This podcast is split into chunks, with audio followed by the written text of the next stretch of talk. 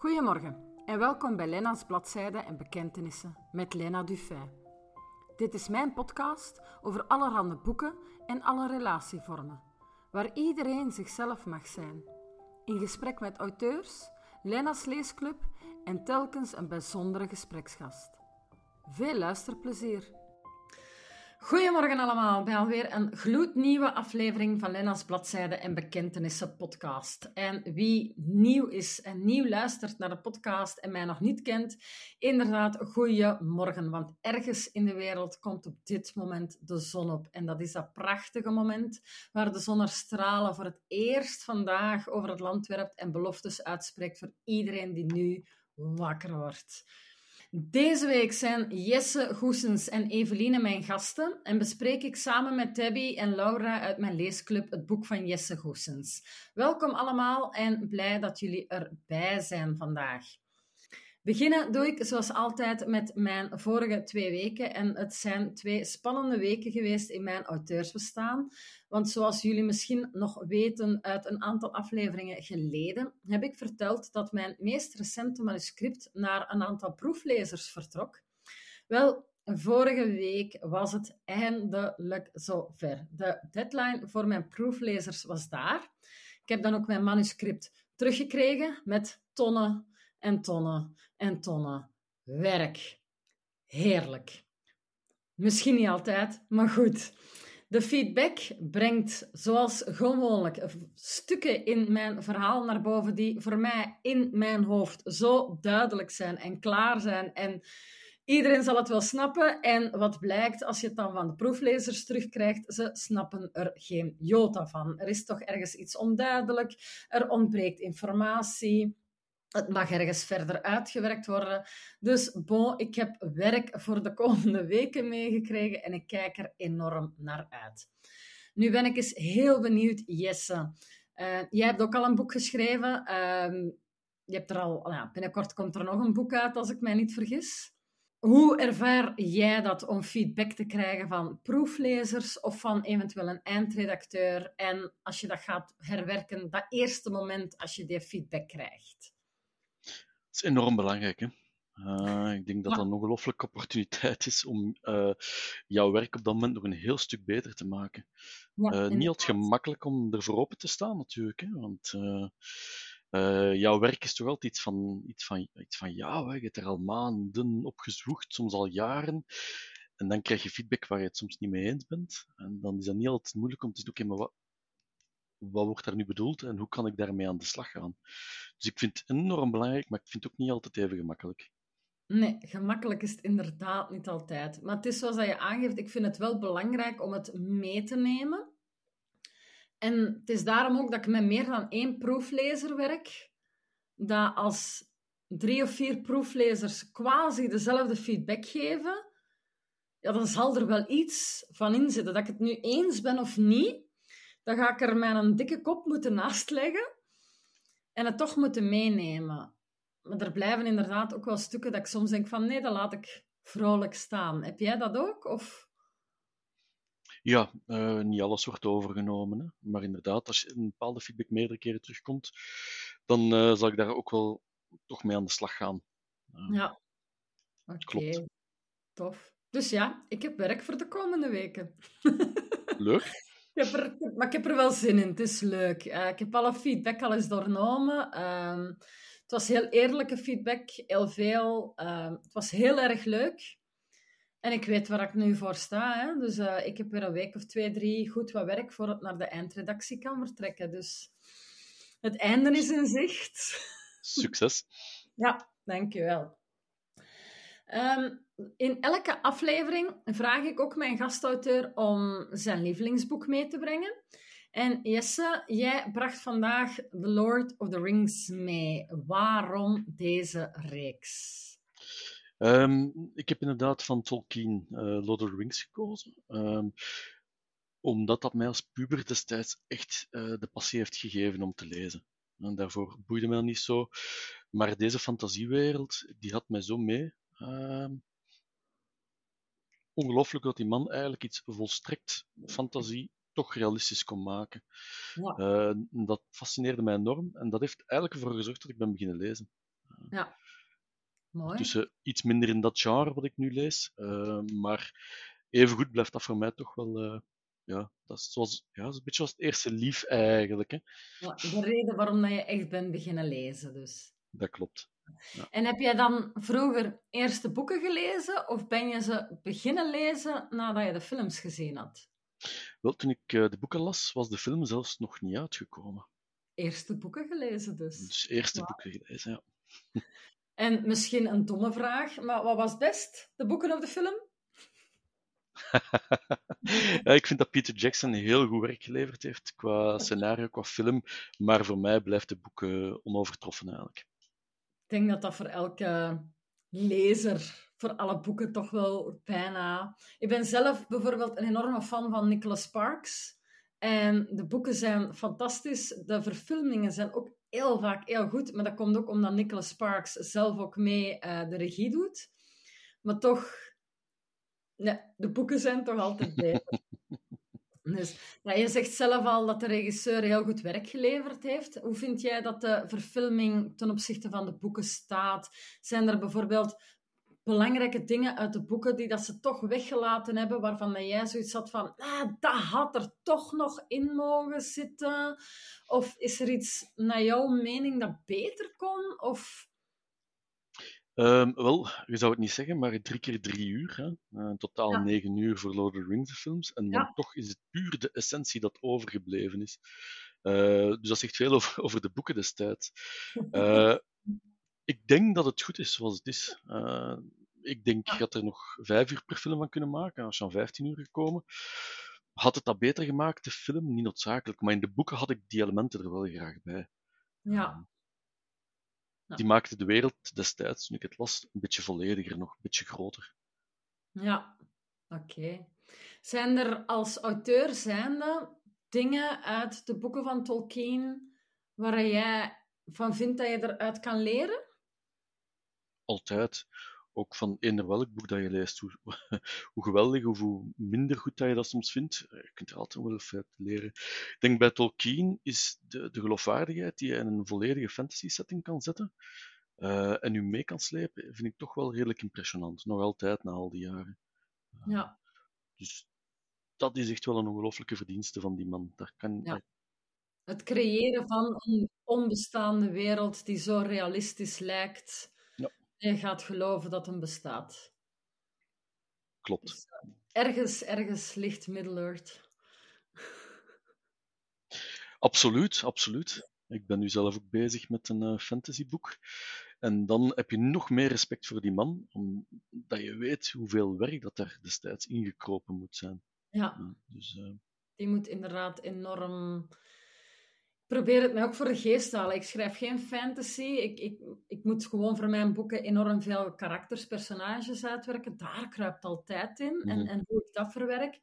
Maar een, een aparte wereld gaan uitschrijven lijkt mij echt wel... Ehm, voor mezelf denk ik dan van het ook echt gaan uittekenen, dat ik het visueel zie met mijn mappen. Dus mijn muren zouden hier al gaan volhangen met hoe het er allemaal uitziet. En, en, of ik kan mijn dochter vragen om het groot, grote muurschilderingen te maken. Dat kan ik ook doen. Uh, Bijvoorbeeld. maar daar moet inderdaad enorm veel tijd ingekropen hebben. Uh, maandenlang zou ik niet van schrikken. ja, ehm, en de rest. En de rest. Ik ben zelf nu met de setting voor die fantasyboek ben ik eigenlijk twee jaar bezig geweest. Ja. Voor just de background. Niet het hoofdverhaal, maar gewoon de background een beetje oké te hebben. Wauw. Dus, uh... Ja, en dat is iets wat lezers niet zien, hè? Dat tijd die daarin dus- Nee, want er is ook maar 10% eigenlijk uh, van heel die background wat erin voor gaat komen. Maar je moet het wel weten, want anders ja, klopt het, niet. En dat gaat je lezer wel merken. Die gaat wel voelen dat het niet klopt. Als jij iets oppervlakkig maakt of uh, iets zaken, die gaat de leugens en, en, de onwaarheid er wel in terugvinden hoor. Ja. Daar uh, moet je geen schrik voor hebben. Inderdaad, inderdaad. Um, je hebt daarnet al gezegd dat je naast fantasy ook andere genres leest. Welke lees je het vaakst, het meest? Uh, ik denk het laatste jaar toch fantasy terug. Uh, het is een tijd uh, wat drama, wat romans ook geweest, maar het laatste jaar is het terug meer wat fantasy. Ook omdat ik nu meer in het uitschrijven van een fantasyboek zit. Dan vind mm -hmm. ik het mhm. ook wel leuk om in hetzelfde genre te lezen op dat moment. Ja. Dus. Oké, interessant. En uh, bepaalde boeken die je het laatste jaar gelezen hebt, dat je zegt van aanrader? Ja, zeker. Uh, van totaal geen fantasy, maar Lucas Rijneveld, De Avond is Ongemak, heb ik het voorbije ja. jaar gelezen. Fenomenale schrijfstijl. heel ja. impressionant. en dan Thomas Oldeheuvelt, Heks. Daar was ik ook danig van onder de indruk van de spanningsboog die hij opbouwde. heel knap. Ja. Oké. En even voor, de, al moesten er luisteraars zijn die de laatste 15 jaar niet op deze wereld geleefd hebben, kan je even, nog eventjes uh, titel en auteur van jouw lievelingsboek herhalen? Dat is Tolkien in de Ban van de Ring. Ja, dank u wel. We gaan stilletjes aan overgaan naar jou als auteur zijnde en jouw boek. Hoe lang schrijf je al, Jesse? Um, ik denk dat dat van mijn 15 jaar moet zijn. Ja. Maar dat begon met uh, wat poëzie, wat kort verhaaltjes. Maar de goesting om te schrijven was er toch wel al toen ik die leeftijd had. Ja, en hoe is het begonnen, het ontstaan? Uh, vanuit een bepaalde interesse of gewoon neerschrijven van gevoelens? De poëzie inderdaad was uh, een beetje verwerken van alles wat er gebeurt. Hè. In die chaotische tienerjaren, om het zo te noemen. En dat even uitschrijven, dat hielp om wat perspectief te bieden. Dus, niet dat ongelooflijk straffe literatuur was. Integendeel. Maar het was wel gewoon, het was leuk, het was eruit, je kon verder. Dus. Ja, mooi. En heb jij een bepaald doel met jouw schrijven? Ja, toch wel.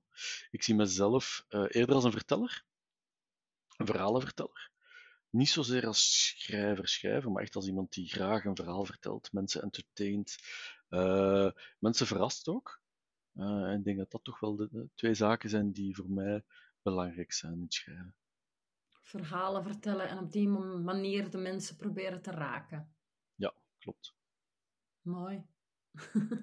We gaan direct eens kijken wat, uh, onze lezers van jouw uh, boek vonden. Hè? Uh, jouw, uh, jouw boek eh, is Uit Water en Bloed.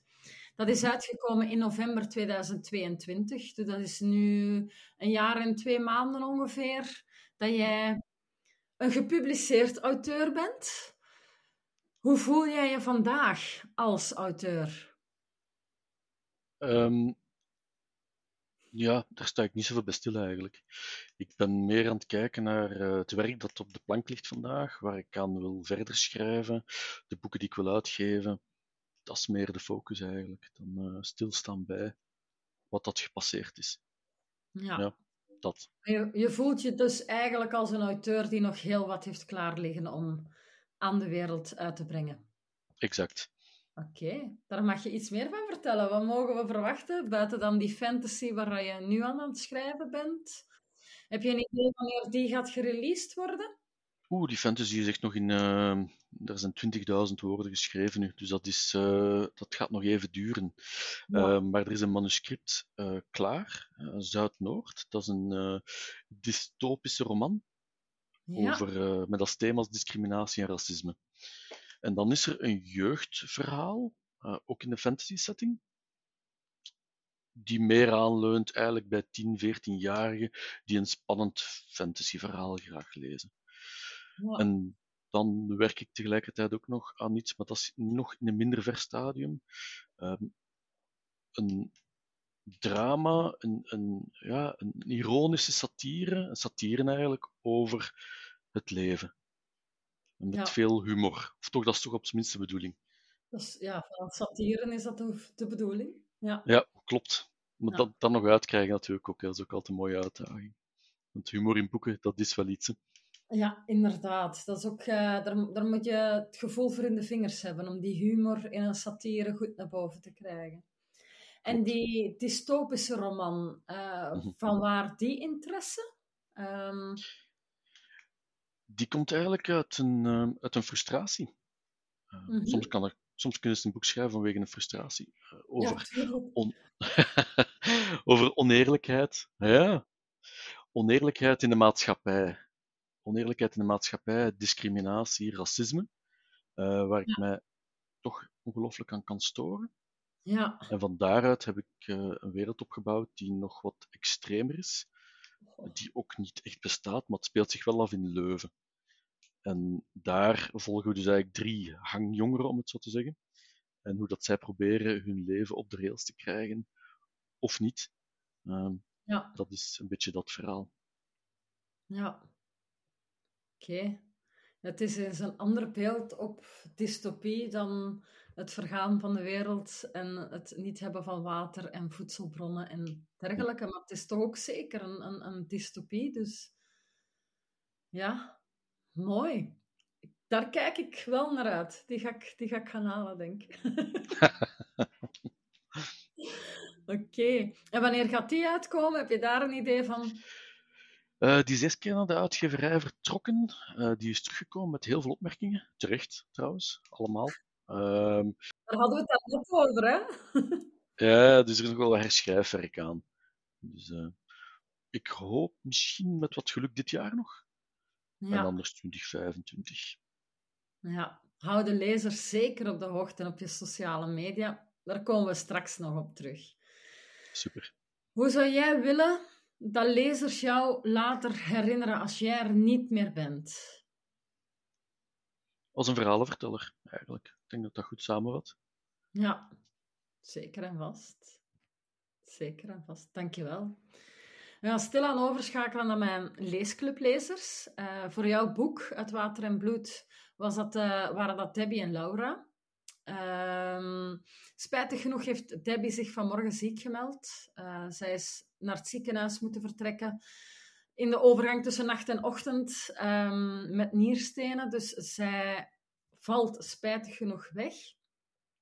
Wat maakt dat we alle vragen aan Laura gaan stellen? Maar Laura gaat dat heel goed doen, hè, Laura? Zeker en vast. Goeiedag en welkom dat je erbij bent. Um, Laura, wat vond jij van Jesse zijn boek? Um, ik vond het echt, van in de eerste pagina's werd je meegesleept in echt een heel um, nee, spannend verhaal over Marie van Damme, haar dochter Anita de Winter en haar kleindochter Alex. En het was eigenlijk heel boeiend om dan ook een inzicht te krijgen in het leven van die drie vrouwen, die zich ook wel afspeelden in een verschillende tijdsperioden. Want het verhaal van Marie speelt zich af in 1945, terwijl Anita's verhaal 25 jaar later afspeelt in 1970. En dan heb je nog eens 25 jaar later, uh, wanneer de Alex op het toneel komt, in 1995. En die tijdsprongen zijn eigenlijk ook een, een van de vele easter eggs die verstopt zitten in het boek. En dat was ook wel heel tof eraan. Um, en eigenlijk begint het verhaal met de ontdekking van het lichaam van Anita op 29 mei 1970. En stap voor stap krijg je dan als lezer een klein beetje meer info over wat er die dag of de avond ervoor in zich heeft uh, plaatsgevonden. En uh, zo krijg je eigenlijk een heel meeslepend boek, dat ook doordrenkt is van spanning en heel veel onthullingen. En dat was echt magnifiek om te lezen. Dus uh, ik vond het echt een heel goed boek. En wat vond jij het sterkste deel uit het boek? Eigenlijk vooral de manier waarop het verteld werd. Omdat je eigenlijk elk hoofdstuk krijgt je een beetje van een puzzel aangereikt, maar zo net genoeg om je de spanning erin te houden, maar niet te veel. Want natuurlijk heb je ook... Elk personage heeft ook nog eens zijn eigen verhaal. Maar toch, en ook omdat er gespeeld wordt met uh, die verschillende tijdsperiodes, uh, maar het verhaal toch heel goed in elkaar zit. En dat vond ik echt wel meesterlijk, om het zo maar te zeggen. Dat zijn wel heel mooie woorden, hè Jesse? Oké. En is er iets in het boek dat jou echt ontroerd heeft? Um, om eerlijk te zijn, het hele verhaal van Anita. Omdat zij uh, door een relatie met Jorn uh, drugsverslaafd is geworden. En er zijn een aantal vrij expliciete scènes waarin dat ze beschreven wordt dat ze in de prostitutie gaat om op die manier toch aan haar drugs te geraken. Maar je voelt toch doorheen het verhaal dat ze eigenlijk van die drugs af wil geraken om voor haar eigen dochter te zorgen. En dat heeft zo aan strijd. Dus enerzijds die verslaving in stand houden en anderzijds proberen zich los te wekken van die uh, verslaving. En ja, dat is toch wel heel uh, ingrijpend en heel ontroerend ook op momenten. Ja, mooi. Kan jij, om af te sluiten, in een paar woorden aan de luisteraar vertellen waarom dat ze dit boek moeten lezen? Als je van spannende thrillers houdt, dan is dat zeker een boek voor u. Omdat ook van in het begin uh, zit je eigenlijk op het puntje van je stoel en wilt je echt weten wat er gebeurd is. En zoals dat ook op de achterflap staat, het is geen standaard who done it. Maar het is een uh, bijzonder en beklijvend verhaal dat je totaal niet loslaat. En dat is ook wel effectief het geval. Ik denk dat ik het boek in een week heb uitgelezen, maar dat was niet omdat ik... ik zou het liefst op één dag hebben uitgelezen, maar dat ging gewoon Het was echt heel spannend. Als je de tijd had. Ja, als ik de tijd had, dan was het op één avond tijd. Maar jammer genoeg was dat niet het geval. Dus uh, ja, het is zeker echt de moeite om het te lezen. Wauw, mooi. Wat doet dat met jou even, Jesse? ja, ik word er een beetje rood van. Ik vind dat wel... Uh, dankjewel voor die heel mooie feedback. Ik had het gevoel dat je er echt stil van werd. Zo van, wauw. Ja, dat doet toch altijd wel iets, ja, inderdaad. Dat vind ik... Uh, daar ben ik ook heel dankbaar voor. Dus ik... Uh, dankjewel. En uh, we gaan heel langzaam overgaan naar het laatste deel van de podcast. Het deel waar we ook mijn extra gast Eveline erbij gaan halen zo meteen. Voordat we daaraan toekomen, Jesse, uh, zou ik aan jou nog eens heel even willen vragen: hoe verwerk jij liefde of relaties of erotiek in jouw boeken? Moeizaam. zeer, zeer moeizaam. Ja, zij die de boek zullen gelezen hebben, zullen weten waarom.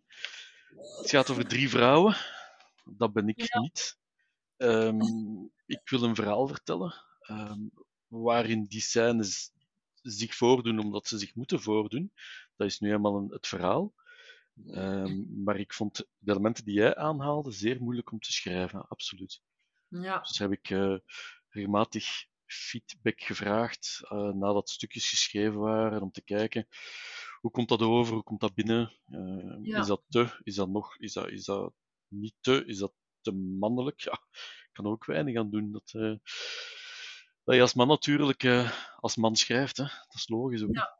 Dus, er zijn nog gradaties in. Er zijn mannen die uh, liefde en romantiek kunnen schrijven. En er zijn mannen die van uh, romantiek en erotiek gewoon ja, onrealistische verwachtingen vormgeven op papier.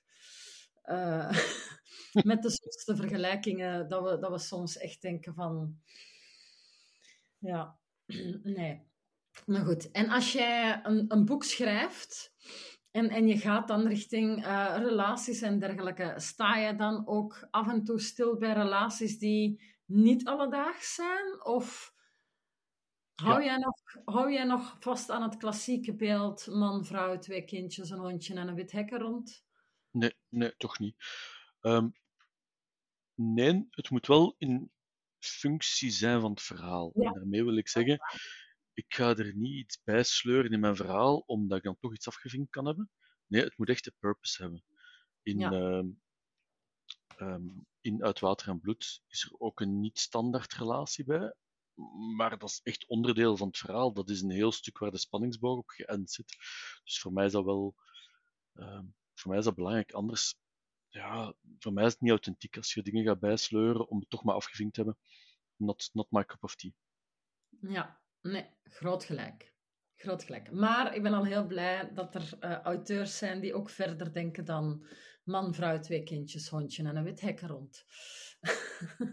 ik noem het altijd zo, maar ja, het, uh, het is er wel.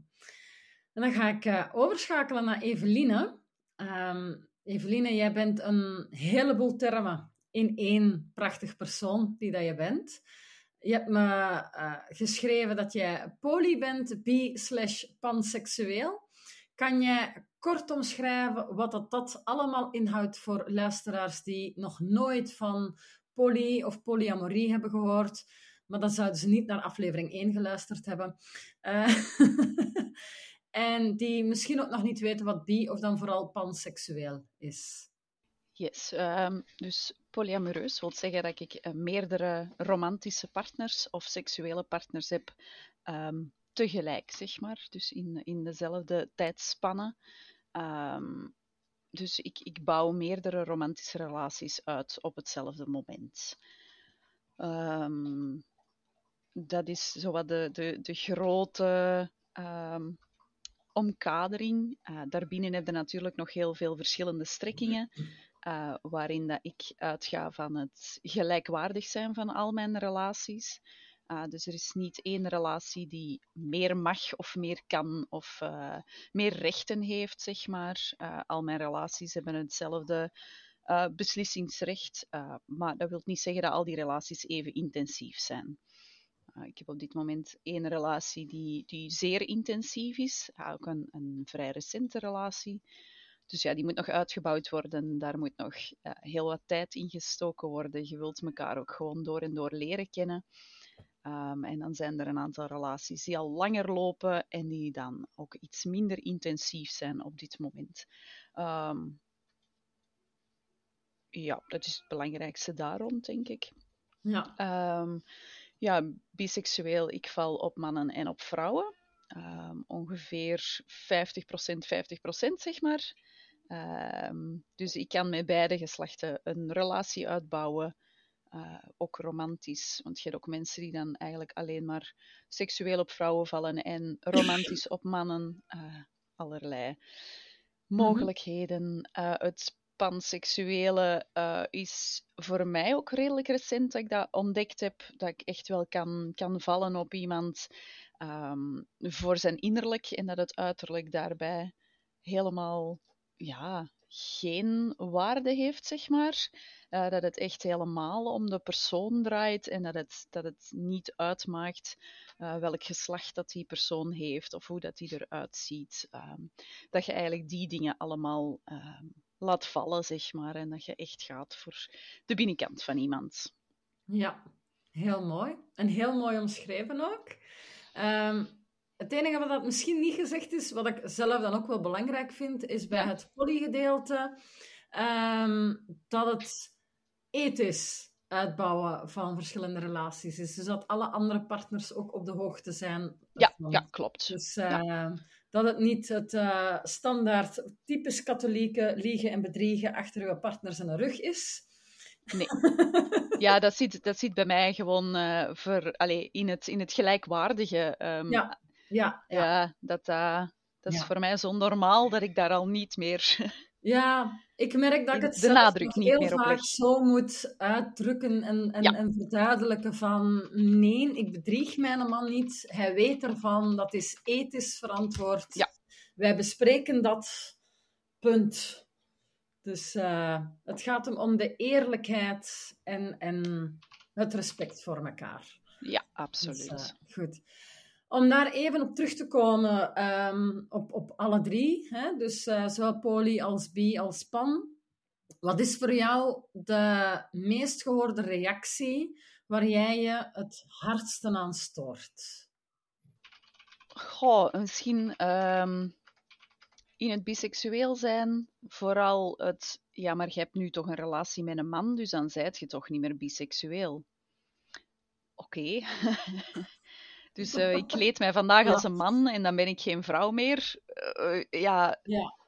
Ja, je bent samen met een man, dus je kijkt niet meer om naar een mooie vrouw. Ja, Dus als, als man getrouwd bent met een vrouw, kijkt je ook niet meer om naar een andere mooie vrouw. Tuurlijk wel. om de stelling even gelijk te trekken voor de luisteraar. Uh, ja, nee, dat is, dat is niet. Hè. Dat, is, dat is ook het leuke aan de polyamorie dat het ook allemaal mag en kan en dat de vrijheid er is om nog andere dingen uit te bouwen. Dat het niet nodig is van dingen die leuk zijn, maar een andere invulling krijgen of nog heel fijn voelen, dat je die niet moet beëindigen om iets nieuw te kunnen uitbouwen. Uh, om daar iets ja. nieuw te kunnen bijnemen, om ook die uh, nieuwe liefdesenergie te kunnen laten doorvloeien in andere relaties. Uh, en dat maakt het ja. wel heel erg leuk. Ja, Inderdaad. Wat is uh, voor jou de rotste opmerking die dat jij ooit zelf naar je hoofd hebt geslingerd gekregen? En was dat een reactie die je van iemand uit jouw omgeving hebt gekregen of van onbekenden op straat of ergens? Oh, is uh, eigenlijk vooral onbekenden op straat. Ik moet toegeven dat ik mij nu um, sociaal gezien in een kring bevind die, die daar heel open voor staan, die heel open-minded zijn. Um, wat heel fijn is, want ik word echt goed opgevangen door vrienden. Um, maar dan is het meer ja, in, in mijn jeugd uitgaan met een vriendin, uh, met mijn vriendin. En dan ook wel opmerkingen krijgen als je hand in hand over straat loopt, als je uh, elkaar eens een kus geeft. Uh, dat er dan toch zo opmerkingen komen dat je denkt, oh, dit hoeft toch niet, dit is vervelend. Uh, laat mij gewoon met rust. Elk koppel mag elkaar een kus geven zonder dat er opmerkingen over komen. Maar als twee vrouwen dat doen, oeh, dan wordt dat ook heel snel geseksualiseerd. Um, wat soms ook wel een hele lastige is. Um, een vraag die ik heel veel krijg als ik aan het daten ben, is of dat ik trio's doe. Uh, dat is ook een hele logische als je gaat daten met een man. Ah, doe jij dan ook trio's? Um, ja, het jammer is dat ik daar dan ja op moet antwoorden, want ik, ik doe dat wel. Uh, maar de intentie waarmee dat, dat gevraagd wordt, is dan altijd zo'n beetje: oh, het is niet omdat ik biseksueel ben dat ik dat dan automatisch doe. Of, of het is niet omdat iemand biseksueel is dat die daar dan altijd oké mee gaan zijn. Ja, um, nee, inderdaad. Ja. Dus, en die opmerkingen die dat dan ja, je richting uitkomen als je bijvoorbeeld jouw vriendin openlijk kust, kan je daar een voorbeeld van geven hoe, ja, wat sommige mensen dan durven of kunnen zeggen? Ja, dat gaat van uh, oh, twee vrouwen, kom de allebei naar huis met mij, um, tot ja, hele lelijke opmerkingen die, die richting homofobie gaan. Um, ja, en, ja, dat is soms heel lastig. Ik probeer dat heel erg te negeren en gewoon te denken: ik ben gelukkiger dan jij. Um, maar dat is, dat is ook voor partners niet altijd even gemakkelijk, die daar minder ver in staan dan, dan ik. En die je dan ook moet opvangen nadien. Um, ja. ja. En vandaar dus dat we hier nu zitten, om aan de luisteraar kenbaar te maken van het gebeurt nog te vaak. Kan jij daar een, een, een leeftijdscategorie op, op, kleven wie zo die opmerkingen maakt? Of is het echt van, van 16 tot 76? Ja, ik vrees, ik vrees dat echt wel. Ik, ik heb het inderdaad al in, in heel veel leeftijdscategorieën meegemaakt. Um, en dat, dat soms de onverdraagzaamheid in een heel vreemd hoekje zit. Uh, van oudere mensen is het dan meer het conservatieve stuk van hoe, maar dat kan toch niet en, en uh, dat doe je toch niet. En hoe kun jij nu trouw zijn aan je man als, uh, als jij op die manier leeft? Tot inderdaad de overseksualisering ja. van, van jongere mannen. Ja, ja. Het is niet dat uh, met de jeugd die nu klaar staat om volwassen te worden, er beterschap in zicht is dat zij verdraagzamer gaan oh, zijn. Ja, ik, ik heb de indruk van niet. Um, ik heb de indruk dat wij uh, heel erg bezig zijn met um, iedereen moet gerespecteerd worden, het, het woke-gevoel, um, het, ja, we moeten allemaal kunnen zijn wie we zijn, maar dat we daardoor eigenlijk binnen ons eigen boxje, waar we onszelf allemaal heel graag insteken, uh, wel onverdraagzamer geworden zijn. Want niemand mag nog iets zeggen over ons boxje. En ja. Uh, waardoor ja, de, de discussie er ook wel een beetje uitgaat en de gezonde uitwisseling ook wel een stukje stopt. Um, dus ik denk dat de slinger wat aan het doorslaan is. Um, ik werk in, mijn, eh, in mijn beroep ook als therapeut. En ik zie dat wel, wel heel erg. Dat het dat soms heel moeilijk is om nog open te staan voor andere mensen hun mening. En uiteraard moet die mening respectvol overgebracht worden. Maar andere meningen maken de, de wereld wel mooi. Ja, inderdaad. Zolang die meningen respectvol gegeven worden, heeft iedereen recht op zijn mening. Dus er is voor mij ook een heel groot verschil tussen uh, een, een mening uiten als ah, vuile homo, bollet af, of ha, dat is niet voor mij. Nee, maar dat zit dan inderdaad in het respectvol, hè? Ja. Komt op hetzelfde neer. Ja komt op identiek hetzelfde neer, maar gewoon eerlijk kunnen uiten van nee, het is niet mijn ding. Nee, inderdaad. Wat oké is. Um, Maar goed, ja, het zit hem in het uiten hoe dat je alles ja. naar buiten brengt. Het zit hem heel sterk in, in communicatie onder, onder mensen. Uh, is iets waar ik ook heel erg voor pleit. Um, zorg dat die communicatie goed zit, dat je weet wat je communiceert, dat je beseft welke impact dat, dat kan hebben. Um, ja, inderdaad. Dank u. Je hebt daarnet al gezegd dat jij gesteund wordt door een fantastische vriendenkring. Ja. Vind ik sowieso al heel geweldig. Hoe staat jouw familie tegenover jouw relaties? Want bij jou moet ik ook in meervoud spreken. Ja, op zich gaat dat wel. Daar wordt af en toe zo wel eens bij gefronst. Van hoe, hoe, werkt dat dan allemaal? Uh, maar het is vooral nieuwsgierigheid en, en um, soms ook wel een beetje, beetje afgunst. Uh, maar, maar wat positieve afgunst, zeg maar. Van, allee, hoe doe jij dat nu allemaal? En um, dus ze zien ook wel de leuke dingen en de, en de voordelen. Ja. Uh, ja. En op dat vlak heb ik ook een, een hele fijne, open-minded familie die daar wel gewoon met nieuwsgierigheid naar kan kijken en, en elkaar ook wel in, in zijn waarde kunnen laten. Ja. Oké. Heel mooi en heel fijn dat er zo families zijn. Ja, absoluut. Echt wel. Fantastisch. Ik ga bij jou afsluiten met de vraag die ik aan al mijn extra gasten vraag. Hoe ziet jouw ideale wereld eruit? Oh, mijn ideale wereld is uh, een wereld waarin dat iedereen uh, op een verbindende en geweldloze manier kan communiceren met elkaar. Um, waar respect is voor ieders eigenheid. En dat iedereen het gevoel mag hebben dat hij gewoon zichzelf mag zijn, zolang dat respectvol is naar andere mensen toe. Ja, heel, dat is een hele mooie wereld. Daar wil ik ook in leven. en ik denk wij allemaal. Dank u wel om erbij te zijn, Eveline. Heel graag gedaan. Ik ga helemaal afsluiten. Nog een laatste keer even terugkoppelen naar Jesse.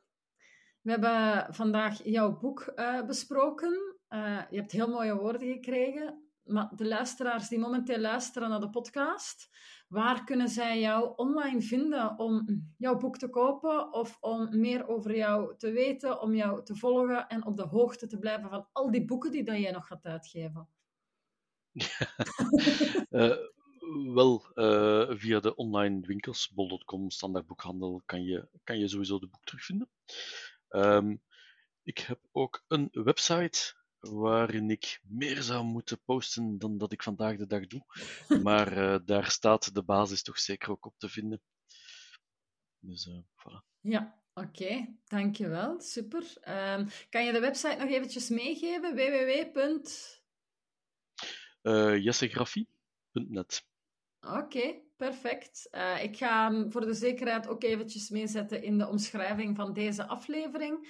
Uh, dus voor de luisteraars die graag naar de website gaan, kijk eventjes de, de omschrijving van deze aflevering en dan kan je daar via de link kom je rechtstreeks op Jesse zijn uh, website uit.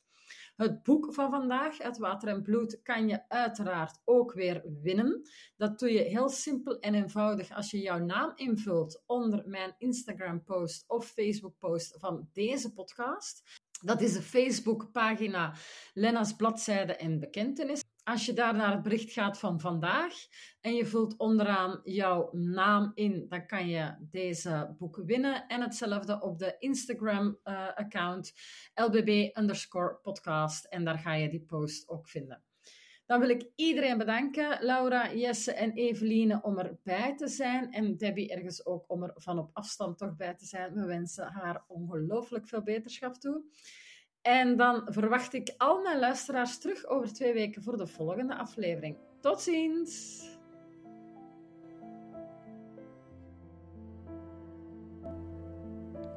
Fijn dat je weer luisterde naar een aflevering van Lena's Bladzijde en Bekentenissen podcast. Dank je wel. Vond jij deze aflevering interessant en wil je meer luisteren? Abonneer je dan nu in jouw favoriete podcast-app. Klik op abonneer of subscribe en je krijgt alle afleveringen overzichtelijk onder elkaar. Telkens er een nieuwe podcast-aflevering gepubliceerd wordt, ontvang je automatisch een bericht. Zo blijf je helemaal bij. Ik word er helemaal blij van als jij een review schrijft in je podcast-app. En laat weten wat je zo leuk vindt aan Lena's Bladzijde en Bekentenissen podcast. Zo ontdekken andere luisteraars ook mijn podcast en kunnen we samen meer lezen en liefde verspreiden. Wil je graag met mij in contact komen? Je vindt me makkelijk op Facebook en Instagram als je zoekt op Lena Dufin of via mijn website www.lenadufin.be. Ken je nog mensen die Lena's bladzijden en bekentenissen leuk zouden vinden? Deel deze aflevering dan met hen via je sociale media of stuur hen een link via mail of een berichtje. Nogmaals bedankt om te luisteren en ik klink volgende keer weer heel graag in jouw oren. Tot dan!